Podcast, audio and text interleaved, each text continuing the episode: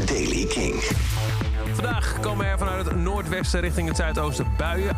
Af en toe ook wat zon. Eind van de middag in het noorden regen en onweer. Daar kan het nog een keer flink gaan waaien. Temperatuur fris voor de tijd van het jaar, 18 graden.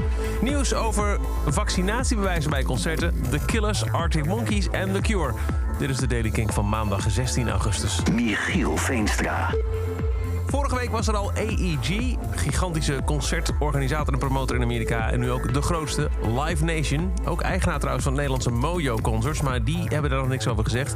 Live Nation zei twee weken geleden nog: hey, artiesten, hier is de mogelijkheid om. Maar nu zeggen ze: nee, het moet. Live Nation concerten in Amerika zijn vanaf oktober alleen nog maar te bezoeken met een vaccinatiebewijs. Hoe dat dus ook eventueel de rest van de wereld over zal gaan, dat is niet bekend. Maar de grootste concertpromotor ter wereld zegt in Amerika... vanaf oktober kom je alleen nog maar naar binnen met een vaccinatiebewijs op zak. The Killers hebben net vrijdag een nieuw album uitgebracht, Pressure Machine. Dat was alweer het eerste album sinds nog een jaar daarvoor pas in Imploding the Mirage uitkwam. Maar nu zijn ze alweer bezig met een volgend album. Een stuk zwaarder, zegt hij. Meer echt oer-killers. En voor het eerst sinds 2017 dat alle vier de originele bandleden eraan meedoen. Dave Keuning, de gitarist, die deed bij de vorige Imploding the Mirage niet mee... om nu wel weer terug te keren voor Pressure Machine. Maar bassist Mark Sturmer was afwezig vanwege voorzichtigheid rondom COVID op Pressure Machine. En nu dus wel alle vier. Ronnie Fanucci, de drummer, zegt... ik denk dat we door heel COVID een beetje door hebben gekregen... hoe goed we het eigenlijk hebben. En daarom gewoon heel graag weer bij elkaar willen zijn en muziek maken. Dus nu alweer aan de slag voor een nieuw Killers album. En Arctic Monkeys hebben naar verluid ook een nieuw album opgenomen afgelopen maand in Suffolk. Zo'n uh, twee uur van Londen aan de Britse kust. Ze waren daar in juni en juli in een, uh, in een hotel dat dat via Twitter en Instagram heeft gedeeld. We hadden de afgelopen maand een band bij ons op bezoek om een album op te nemen, zo zeggen ze. Ze houden, muzikanten houden van de akoestiek in onze grote zaal en de salon met een enorme plafonds.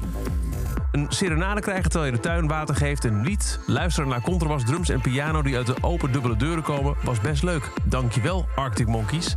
In januari van dit jaar onthulde Mart Helders al dat de groep zich in het vroege opnameproces begon van een nieuw album. Of het schrijfproces eigenlijk toen nog. Maar naar verluid is het dus begin deze zomer opgenomen. Het achtste Arctic Monkeys album.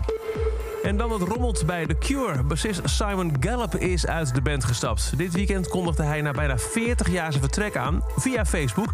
omdat hij naar eigen zeggen klaar is met het verraad. Met pijn in mijn hart laat ik weten dat ik geen lipper ben van The Cure. Ik wens iedereen veel succes. Als iemand hem dan vraagt, uh, gaat het om gezondheid? Wat is er dan? Dan zegt hij, nee, nee, ik ben oké. Ik ben gewoon klaar met het verraad.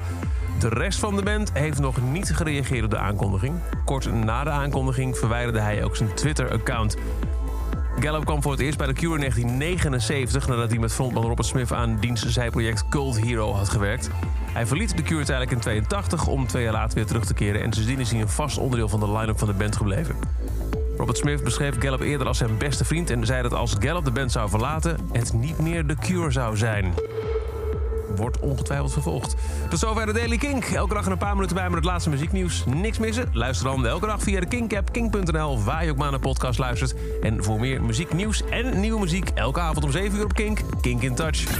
Elke dag het laatste muzieknieuws en de belangrijkste releases in de Daily Kink. Check hem op kink.nl of vraag om Daily Kink aan je smart speaker.